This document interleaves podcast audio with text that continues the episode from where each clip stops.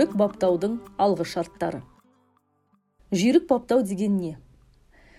Жүйрік баптау дегеніміз түптеп келгенде атты шынықтыру деген сөз. Яғни жүйрікті баптап жаратудағы мақсат оны ең алдымен шабатын күйге жеткізу керек.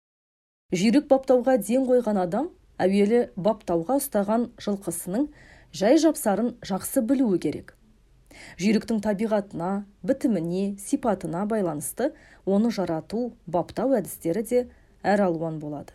Өйткені қазақы жылқының ішінде әртүрлі жаратуды сүйетіні бар. Бәрін бір тәсілмен баптау қате. Өйткені әрбір ат бір бір әлем. Оның табиғи мінезі бап тілеу ерекшелігі бір біріне ұқсамайды. Сол сияқты әрбір атбегінің ат баптау әдіс тәсілі әр басқа. Жүйрік жылқы жергілікті табиғатына жайылған жеріне орналасқан мекеніне қарай бапталады. Алдымен оның тұқым тегіне бітім нышандарына назар аударған жөн. Өйткені байырғы қазақ жылқысы бір ғалыпқа құйып қойғандай бір келкі жасанды тұқым емес. Сондықтан да әртүрлі жаратуды сүйетін әр алуан жүйріктер болуы заңдылық. Бірі тоқжарау күйінде жақсы шапса енді бірі әбден жеңілдеп іш тартып жараған жағдайда жақсы шабады. Қайсы бірі қабырғасының жігі білінбей жамбырлығы осылмай семіз қалпында бабығанса кейбіреулері әбден арып арсы сарсасы шығып қабырғасы ырсиып арығанда жақсы шабады. Сол себепті семіздеу жүйрікті арықтатамын деп жиі жиі таңасырып немесе суға салып тоңдыру ісі қателікке ұрындыруы мүмкін. Тер алудың жөні осы екен деп орынсыз шапқылаудан да сақ болған жөн. Әуелі баптауға ұстаған жүйрікті аяңдатып желдіріп қысқа шапқын жасау арқылы жарату оның тынысының кеңеюіне бұлшық еттерінің ширауына сіңірінің созылмай бекуіне тұла бойын ауырлатқан ащы терінің дұрыс шығуына сеп. Атбегі әуелі жүйріктің қара еттілігін немесе май еттілігін жазбай тануы тиіс. Жаясы жалпайып жоны тырсиып тұратын құлын сауыр қара етті жүйріктерді жаратып арытамын деп жілік майын үзіп алу немесе олпы солпы арқасы арбиған қабырғасы ырсиған келбеті жұпыны бірақ іш майынан арылмаған жүйрікті арып кеткен екен деп қателесу оп оңай баптауға ұстаған жүйрікті алдымен аяңдатып желдіріп бірнеше атты ауыздық таластырып бір бірінен оздырмай қысқа шапқын жасайды.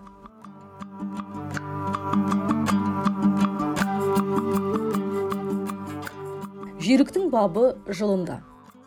Қазақта жүйріктің бабы жылында деген сөз бар. Бұл тіркестің мағынасы жүйрікті жарату ісі жаздың қырық күн шілдесінде маусым шілде айларындағы шуақты күндерді айтады. Байлап баптап жарысқа қосумен шектелмей бәйге аттың бабын жылдың төрт мезгілінде жіті қадағалап бақылауды айтады. Шын жүйріктің бабын жыл бойы бұзбаған жөн. Нағыз атбегілер жүйрікті жыл бойы баптаған. Мысалы қыста көк жоңышқа ақ солы беріп семіртеді. Содан соң көктемгі қар суымен біраз күн өріске жіберіп сары шөпке жаяды. Тек қара етін қалдырып іш майы мен қазысын жеңілдететін болған. Жүйрік жылқыны баптаудан басқа уақыттарда қинамай аяқ қолына ақау түсірмей мініп жүреді. Тәжірибелі атбегілердің айтуы бойынша жылдың 365 тәулігінің 150 күнінде жүйрікті кәдімгі күнделікті мініске салған дұрыс. Жүз елу тәулік дегеніміз бес ай. Осы бес айдың бір айы жазғы баптау мерзімі. Тамыз қыркүйек айларында жаздай байланған жүйрікті үйірге жіберіп семіртеді. Қазан айында қолға ұстап жеңіл желпі жүріске салып бірнеше рет таңасырып байқайды. Одан кейін қараша желтоқсан айларында бос жібереді. Қаңтар ақпан айлары туған соң қолда ұстап әрі сәрі қинамай мініп жеңіл терін алу арқылы бойындағы артық ауыз заттардан арылтады. Денесі кішкентай құлын сауыр жүйріктер етке сүйеніп шабатындықтан әркез семіздікті сүйеді. Бұларды 15-20 күн жаратып төрт рет терлетіп таң асырса жетіп жатыр. Ал етке тұтқыр қол аяғы діңгектей сақа жүйріктерді кемінде 30-35 күн жаратып жеті-сегіз рет қара жарысқа салып терлетіп таң асыру керек. Көктемнің сәуір мамыр айларында бір айға жуық қолда ұстап қыстың суық күндері ақау алған сіңірлерін создырып аяқ қолының бұлшық етін ширатады. Осылай қамдаған жүйріктің іші мөлшерден тыс майланбайды күш қуаты кемімей қалпын сақтайды. Әр мезгіл сайын үйірде жүрген жүйрікті қайта-қайта ұстап мініске салудың мәні денесіне жиналған бос судан терлету арқылы арылтып майын қара етіне сіңіру болып табылады. Семіз қоңды жылқының бабы ұзаққа созылады. Ондай жүйрікті ұстаған сәттен бастап алғашқы 24 тәулік ішінде жеті дүркін арам терін алып үш дүркін қара жарысқа салады. Одан кейінгі 20 тәулікте бес дүркін қысқа шапқын алты он екі шақырымға төрт бес жылқыны ауыздық таластырып шаптыру жасап екі дүркін қара жарысқа қатыстырады. Келесі 15 тәулік ішінде екі дүркін қысқа шапқын бір дүркін қара жарысқа қатыстырады. Жалпы көшпелілердің жүйрік баптау яғни атбегілердің ат жарату мерзімі жасы жеткен жыл сайын бапталып үйренген сақа жүйріктерді 30-40 күн байлап 5-6 дүркін терін алып 10-13 дүркін бой жаздырып әртүрлі қара жарыстар ұйымдастырып шаптырады. Дөнен және бесті жүйріктерді баптағанда 15 тәулік ішінде 3-4 мәрте терін алып 5-7 дүркін жарысқа салады. Құнантайларды баптағанда үш дүркін терін алып төрт бес дүркін жарысқа жібереді. Ат баптаудың мерзімі мен әдіс тәсілі жылдың әртүрлі мезгіліне байланысты өзгеріп тұрады. Осы жайды толық меңгерген адамды нағыз атбегі деп есептеген.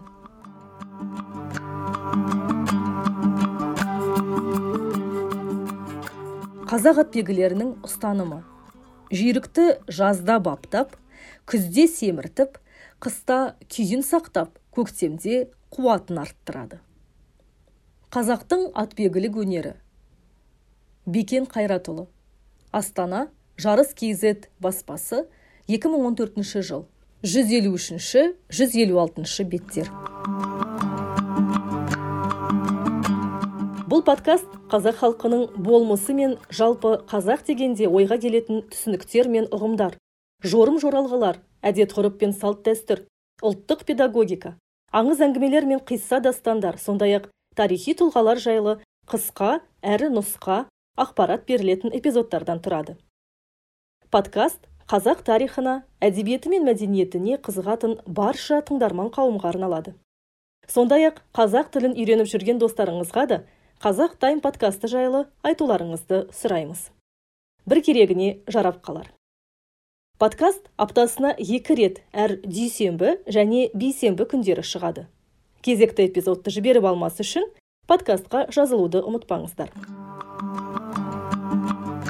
Қазақ тайм подкасты қоғамдық келісім республикалық мемлекеттік мекемесімен бірлесе дайындалады. Дыбыс режиссері жанагүл тілепбергенова эпизодты дайындаған мен айым тілепберген.